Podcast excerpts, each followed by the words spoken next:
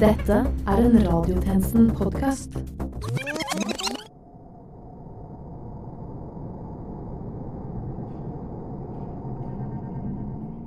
Her er den. Ypperstersker Sorges. Her er den. Ja, kassetten. den siste teksten. Den siste resten av sivilisasjon som vi fant på krateret vi en gang kjente som jordkloden. Det var leit. Vi var så sent med å gi den planeten et besøk. Det var det. Vi skulle ha stoppet for å ta den ølen i Andromeda-galaksen. Det er lett å være etterpåklok, men de har jo en utrolig god IPA, det må sies. Kloke ord, yppersterker. Smak av stjerneskudd fra Argon 2. Vel, skal vi høre på dette, eller? La oss det. Og la oss i samme slengen si at det vi er i ferd med å høre, oppsummerer hele menneskearten. Ikke som vi har noe valg uansett. Kjør tape. Klokken er 12.00, og du lytter til Radiotjenesten.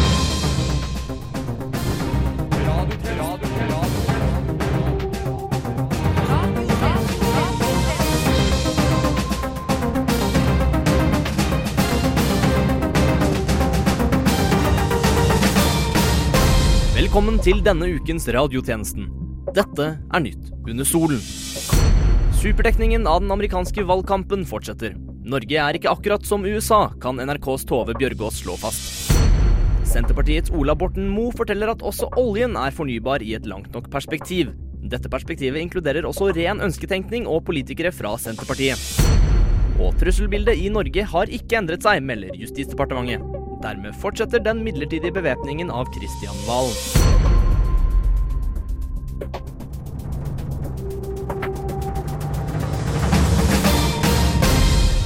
Vi skal til USA, hvor det visstnok skjedde noe greier tidligere denne uken. Mandag så 80 millioner Hillary Clinton og Donald Trump avbryte hverandre kontinuerlig.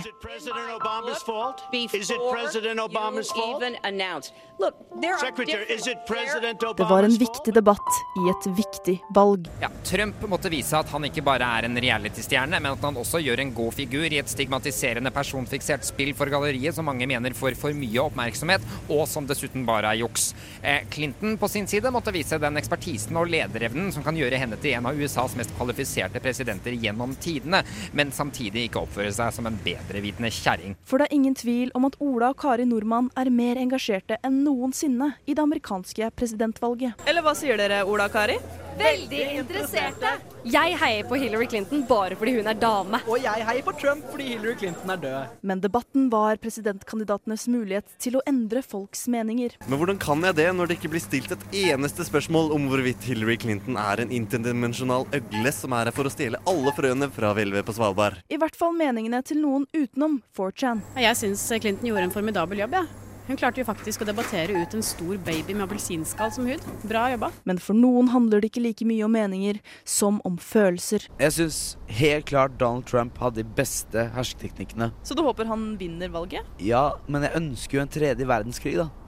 Jeg gikk glipp av annen og har alltid følt et savn etter et krigsfellesskap som samler en hel generasjon. Selv om noen syns debatten om debatten blir irrelevant. Ja, så er det nå kanskje sånn at han Trump han eh, benekter nå kanskje klimaforandringer, og han vil nå kanskje ta fra kvinner grunnleggende menneskerettigheter. Ja, han legger heller ikke skjul på at han er en stormannsgalt rasist som ikke er fremmed for å trykke på atombombeknappen hvis noen så mye som prøver å yppe. Men herregud, altså. Clinton brukte sin private e-post i jobbsammenheng. Kan vi ikke snakke litt om det, da?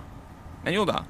Når det gjelder debatten, så syns jeg nå egentlig Hillary Clinton gjorde en bedre figur. Absolutt. For i det store og det hele var de fleste enige om at Clinton vant debatten. Men to debatter gjenstår, og det finnes fremdeles en mulighet for at Hillary kommer til å hoste.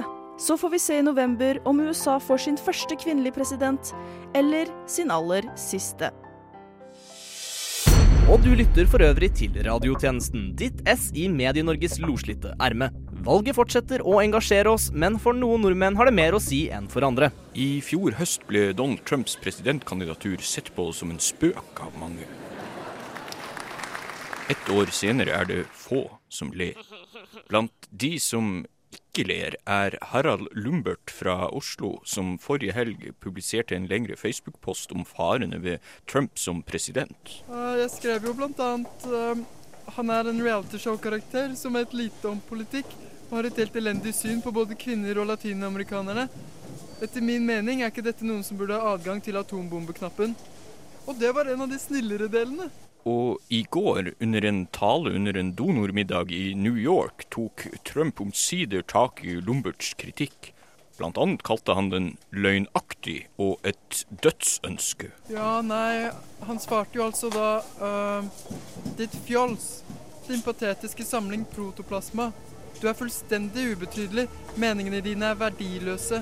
Dine middagsdiskusjoner betyr ingenting. Jeg skal spise deg og stjele dine krefter. Ble du imponert av svaret? Å nei, på ingen måte.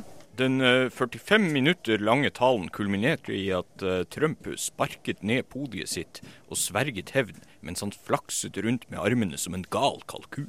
Det er jo ganske typisk at han øh, ikke tar tak i argumentene mine i det hele tatt. Men, men man blir jo litt skremt, da. Dermed gjenstår det å se om eh, Lombard våger å kritisere Trump ytterligere, eller om Norges USA-eksperter lar seg kue av de politiske kreftene. Den femte statsmakt. Radiotjenesten. Forslag til steder i Oslo å tenke på demokrati. Forslag nummer én. Sankthanshaugen.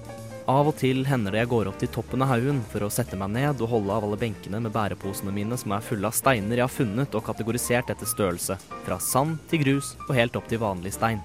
På den måten forpurrer jeg planene til lykkelige kjærestepar om å sette seg ned for å nyte utsikten og kanskje kysse litt på munnen. Æsj. Hvis man, som meg, har kjempebra øyne, kan det hende man kan skimte Stortinget langt der nede, eller Megamakthuset, som jeg tror jeg har hørt noen kalle det. Da er det godt å kunne tenke på at kongen i sin tid sa nei til rasisme og ja til demokrati og burgerlunsj i kantina av og til, men ikke for ofte. Dessverre får ikke alle oppleve Oslos herligheter. Det kommer nemlig færre asylsøkere til Norge enn forventet, og som med de fleste andre ting skaper dette trøbbel for kommunene. Innvandrerne er et problem, nå enten de kommer eller ikke. Utlendingsdirektoratet har sagt opp mange samarbeidskontrakter med kommuner som bygget asylmottak som nå står tomme. Det vil gå kraftig utover budsjettene. Nei, men altså, ingen skal få kutte vår støtte. Her har vi flyktninger opp til øra. Dette sier lederen på et mottak vi besøker i Vega kommune. Her, i motsetning til steder flest, er det smekkfullt. Nei, her har vi faktisk ingen ledige plasser. Ja, men uh, kom inn, kom inn, så skal jeg vise deg rundt. Ja, her, her var det jo veldig fint. Ikke sant. Du kan bare henge jakka fra deg der. Her? Ja, sånn. Uh, da vil du vel kanskje møte noen av flyktningene vi huser. Det er, det er jo derfor vi er her, fordi vi, vi har så mange flyktninger. Ja, det er det du fortsetter å si, ja? Ja, da tenker jeg at du først skal få hilse på Just uh, ja, Assad. Assad. Eh, Just Assad heter han. Just Assad? Just Assad, nettopp. Eh, denne vei. Hallo? Oh, hello. I am As Assad. Not uh, Just Assad? Uh, yes, it was. His name is uh, Just Assad. Isn't that right, uh, Just Assad? Oh, oh yes, I, I guess it's right.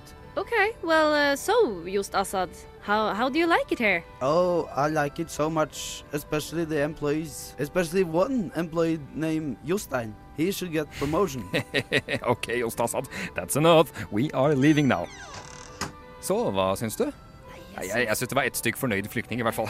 En av mange vi har her. Eh, skal vi hilse på neste? Ja. Dette er eh, Aisha. Hello, Aisha. Hello. Hei, Aisha. Hyggelig. Ja, hyggelig. Vent, snakker du norsk? Um, ja, jeg, jeg, jeg faktisk eh, Jeg prater lille norsk. Jeg lærer veldig fort. Lærer på fly hit til Norge. Flyet? Ja, fly. Ja, jeg mener fly. Fl Flykte med båt. Ikke lære så fort at eh, kan alle går Nei. ja, hun Aisha, hun er smart, altså. ja, eh, hun, hun skulle jobbet her, hun. Eh, ja, men jeg gjør ikke det, da. Nei, ikke sant. Vel, vi må videre. Hun var jo veldig hyggelig. Man blir hyggelig av å ha det hyggelig, vet du. Bedre her enn i Aleppo. Mye mer penger, for eksempel. I Vega har de åpenbart gjort noe riktig. Her stortrives alle asylsøkere og er såpass integrert at de allerede har fått en særegen norsk uttale over sin brokete engelsk. Før vi går, får radiotjenesten hilse på en siste gjest på mottaket. Kom inn. Enda en som snakker norsk? Klart det, Snuppe. Oi. Navnet er eh, Kent Roy, men uh, gjør meg en tjeneste og hold det for deg sjæl.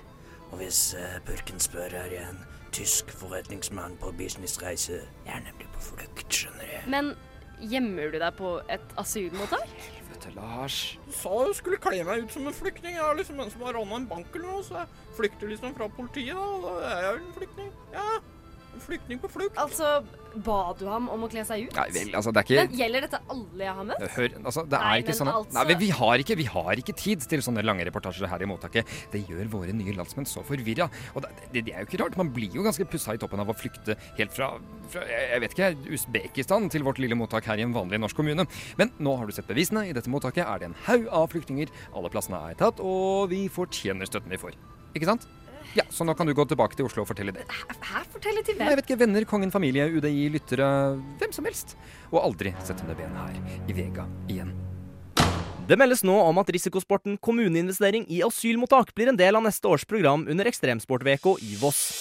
Men nå noe annet. Går Kristelig Folkeparti til venstre eller til høyre ved neste stortingsvalg? Det er spørsmålet alle stiller seg, og som KrF nekter å svare på. Ja, for vi i Kristelig Folkeparti vi har nå en nøkkelrolle i norsk politikk. Eh, Derfor er det viktig at vi ikke gjør noen forhastede slutninger, men at vi nå lener oss tilbake og bare digger å ha en nøkkelrolle i norsk politikk. Takk skal du ha, KrF-politiker. Senere i sendingen skal vi høre at også Arbeiderpartiet nå vurderer å ikke samarbeide med seg selv for å bevare en nøkkelrolle i norsk politikk.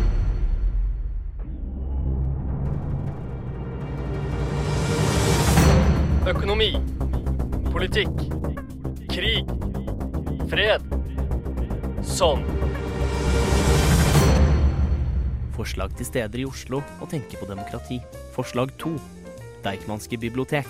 Her har jeg lest mange bøker om demokrati. F.eks. Tassen har leggetid. Boken handler om at den lille hunden Tassen legger seg, men at demokratiet aldri sover.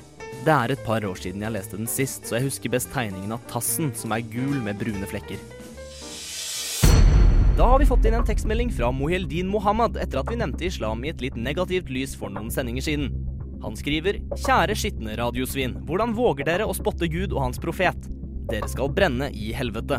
Dere er avskum i Allahs øyne, hører dere det? Jeg er fortsatt den mest relevante ekstremisten i Norge.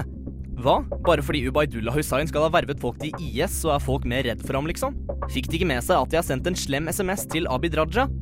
Det krever faktisk litt å harselere med venstrepolitikere. Måtte Allah gi dere uhelbredelige fotsmerter. Sint-emoji, pistol-emoji, hodeskalle-emoji. Ja ja, mer om disse tekstmeldingene dersom man sender oss noen flere. Men følg uansett med videre i sendingen når blant annet dette er nytt under solen. Politiet som drepte en afroamerikaner i North Carolina, slår tilbake mot kritikken. Ser faktisk ikke hudfarge når de skyter ned ubevæpnede mennesker. En 22 år gammel gutt er sikker på at James Trond-genseren hans kommenterer et eller annet. Og Ringerike-basert mor fortsetter å oppføre seg som en køkk. Vil ikke gi lørdagsgodt til sin trassige alt-right-sønn denne uken heller.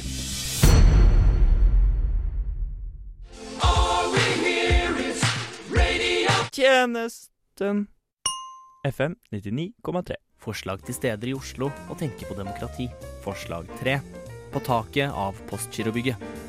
Av ulike grunner er jeg ikke lenger velkommen hos Oslo Plaza Skybar, men siden jeg har et hode med veldig mye hjerne i, har jeg funnet en løsning. Hver tirsdag formiddag kler jeg meg som en IKT-konsulent i firmaet Sopra Steria, som holder til i Postgirobygget. Deretter tar jeg heisen helt opp til taket. Hvis jeg møter andre folk, prøver jeg å gli rett inn i mengden ved å f.eks. si det er fornøyelig å jobbe for en ledende aktør i Europa innen digital transformasjon. Eller Let's deliver transformation together. Mens jeg myser megetsigende mot dem. Hvis alt går etter planen, kommer jeg meg opp og ut på taket, hvor jeg vipper ut en sammenleggbar stol og åpner en øl som var kald da jeg kjøpte den på butikken. Jammen godt at våre folkevalgte politikere gikk med på å bygge hele to høyhus i sentrum, slik at vi som liker Skybar-stemningen har mer enn ett alternativ, pleier jeg å tenke mens jeg skuer utover byen og hvisker 'heia demokrati' til meg selv.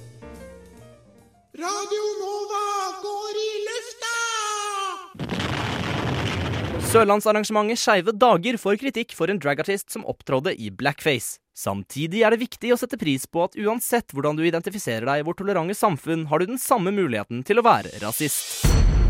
Velkommen tilbake til radiotjenesten. Mitt navn er fortsatt Herman Arneberg Johnsen, og nå dette. Ekstra, ekstra, les alt om det! Ekstra! Nei, øynene dine bedrar deg ikke. Avisguttene med sine bukseseler og overdimensjonerte sixpence er igjen å se på Oslos gatehjørner. Nå representerer dessuten pressens barnearbeidere vår tids fragmenterte mediebilde. En man ser mye av, er innholdsmarkedsføringsgutten, også kjent som content marketing-gutten blant eksperter. Ekstra, les de ti beste reisetipsene for neste sommer. Dette er solkremen du må smøre deg inn med. Ekstra! Ja, eh, av dem er du snill. eh, Vent litt. Det her er jo ikke en avis, det er et bonusmedlemskapsprogram i SAS. Å jo, men selve innholdet er verdiskapende for deg, er det ikke? Nei, eh, jeg kan jo ikke argumentere mot det, nei. Det finnes noe for enhver. I denne floraen kan man f.eks. også støte på clickbait-gutten. Ekstra! Ekstra! Les alt om det. Du vil ikke tro hvor Mette Hanekamhaug skal feriere i vinter. Ekstra! Hei, ja, gi, gi meg en av de. Skal vi se, hun skal feriere i Hun vet ikke ennå. Ekstra! 24 bilder av to forskjellige dyreraser som er venner. Nummer 12 fikk meg til å dåne.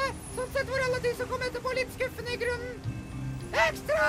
Men skulle dette bli altfor fremmedgjørende, kan man heller spore opp en Avisgutt pluss for en uh, viss sum.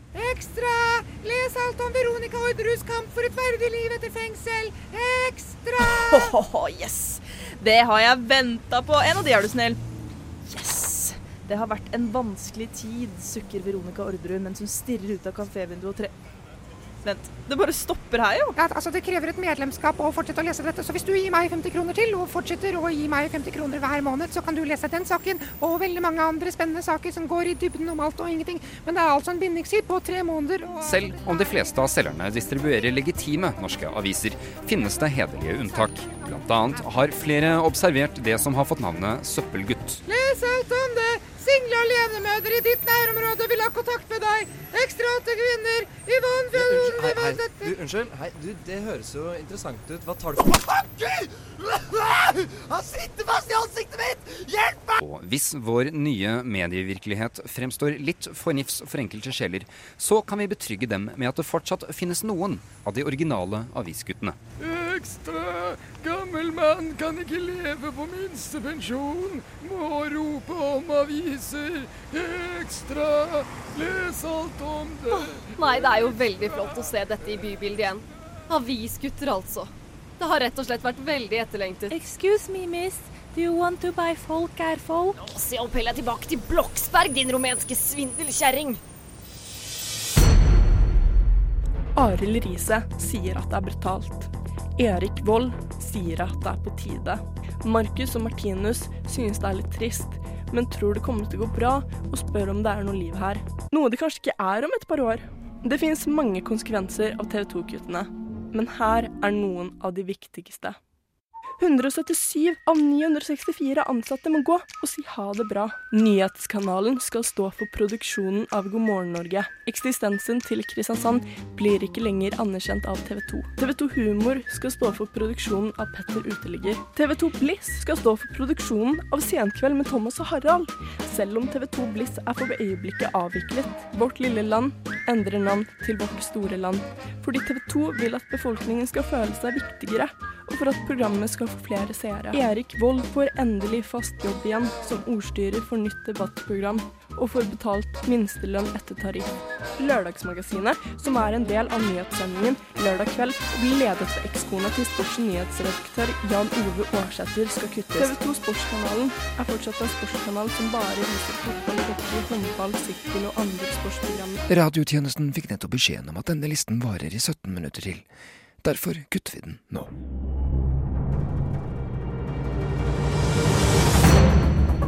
Dag. Ny sak. Nytt syn. Nye nyheter. Kristelig Folkeparti kan enten gå til Arbeiderpartiet eller Høyre ved neste stortingsvalg. Og KrF-politiker, hva kan du si om dette valget foran dere? Det blir fort et valg eh, som handler om verdiene. Det gjør jo det. Og hvilke verdier er så dette? Ja, Det blir jo da fort eh, meningsmålingene. Verdiene om dem. En som iallfall ikke sliter med populariteten, er hele Norges Hans Olav Lahlum. Lahlum, som for de fleste er kjent som sjakkentusiast, historiker, kriminalforfatter og SV-politiker, ønsker nå, i forbindelse med at han søker å bli valgt inn i Stortinget, å bli anerkjent som en gud. God dag, Hans Olav. God dag, eller eh, god ettermiddag, som det teknisk sett heter nå når klokken har passert tolv. Altså det man kan regne som døgnets midtpunkt. Ironisk nok er det ikke slik at eh, det er midt på det vi kaller dagen. Da dagens lengde faktisk endrer seg i løpet av kalenderåret, og da særlig i de ytre regioner av verden. Vi opererer derfor med et lite eksakt begrep når vi ønsker hverandre god ettermiddag. Det kan du si, Hans Olav Lahlum. Du er født av et menneske, som et menneske, i en menneskekropp. Og nå søker du altså å bli regnet som en gud? Det er eh, helt korrekt. Jeg vil eh, da legge vekt på at det historisk sett finnes flere personer som har blitt sett på som guddommelige, og mange av disse har skrevet populære bøker. Men eh, foreløpig så er det få guddommer som har vært sjakkentusiaster og kriminalforfattere. Og merkelig nok så finnes det ikke guddommer som har hatt inngående kjennskap til eh, amerikanske presidenter. I alle fall ikke før de ble erklært som guddommelige. Men mange klarer seg jo uten guddommelighet. Hvorfor ønsker du å bli regnet som en gud, Lahlum? Jeg vil understreke at det ikke er for min egen del jeg gjør dette. Jeg har nemlig selv vært ateist siden jeg var fire, da jeg leste den britiske filosofen Bertrand Russells omfattende kritikk av religion som fenomen, og innså at eh, dette rett og slett ikke var noe for meg. Men eh, da jeg erklærte at jeg stilte til valg for eh, Sosialistisk Venstreparti tidligere i høst, så sto det samtidig klart for meg at det ikke var noen guddommelige krefter på Stortinget, og jeg opplevde dette som problematisk all den tid det finnes en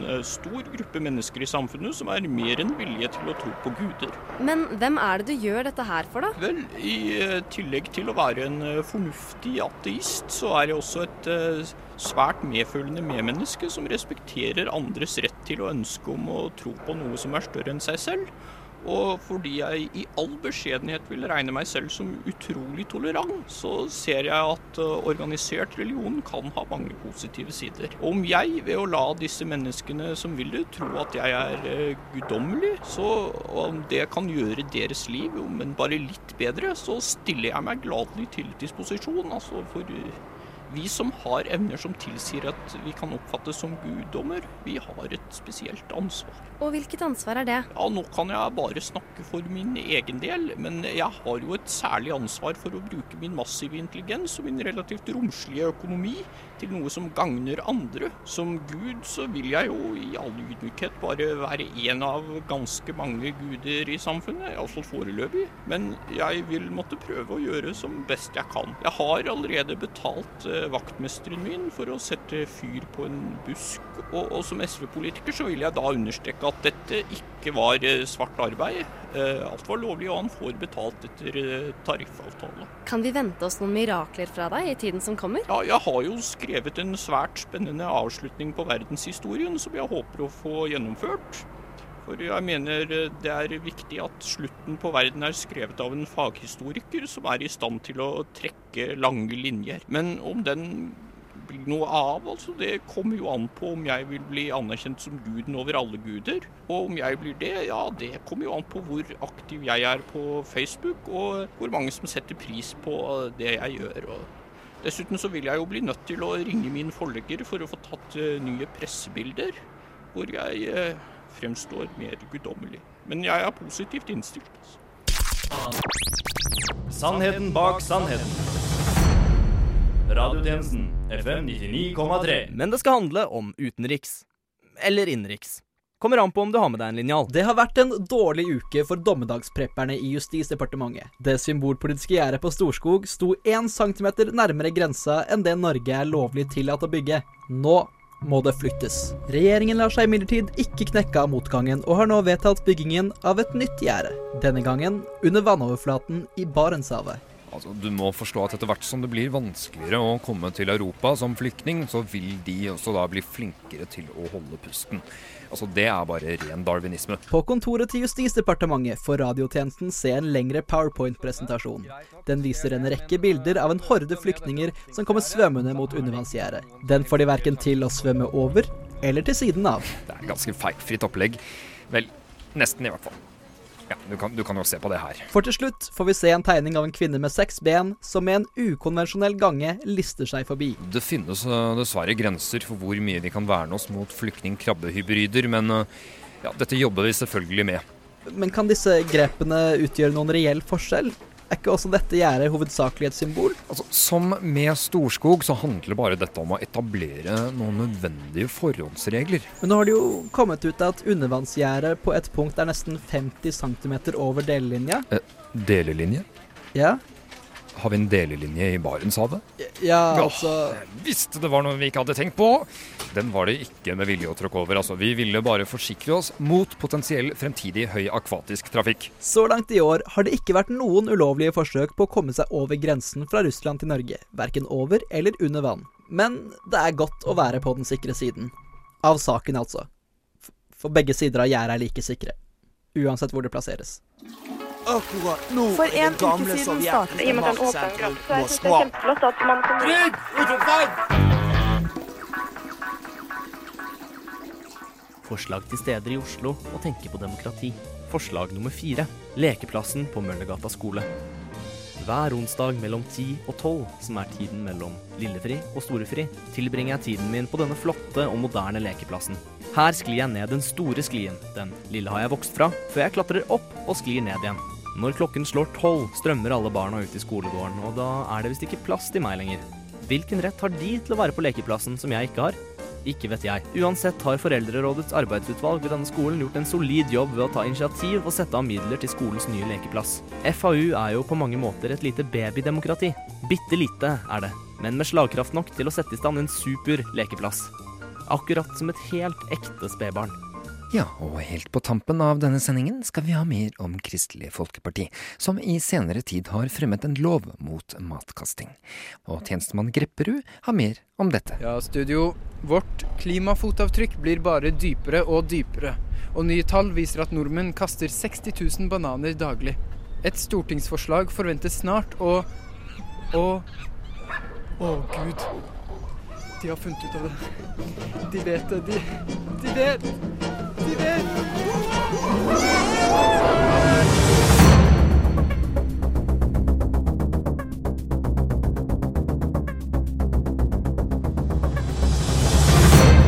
Det er radiotjenestens tilmålte tid forbi. Men før vi avslutter, skal vi til en reporter som dekker et bord. Ja, det stemmer.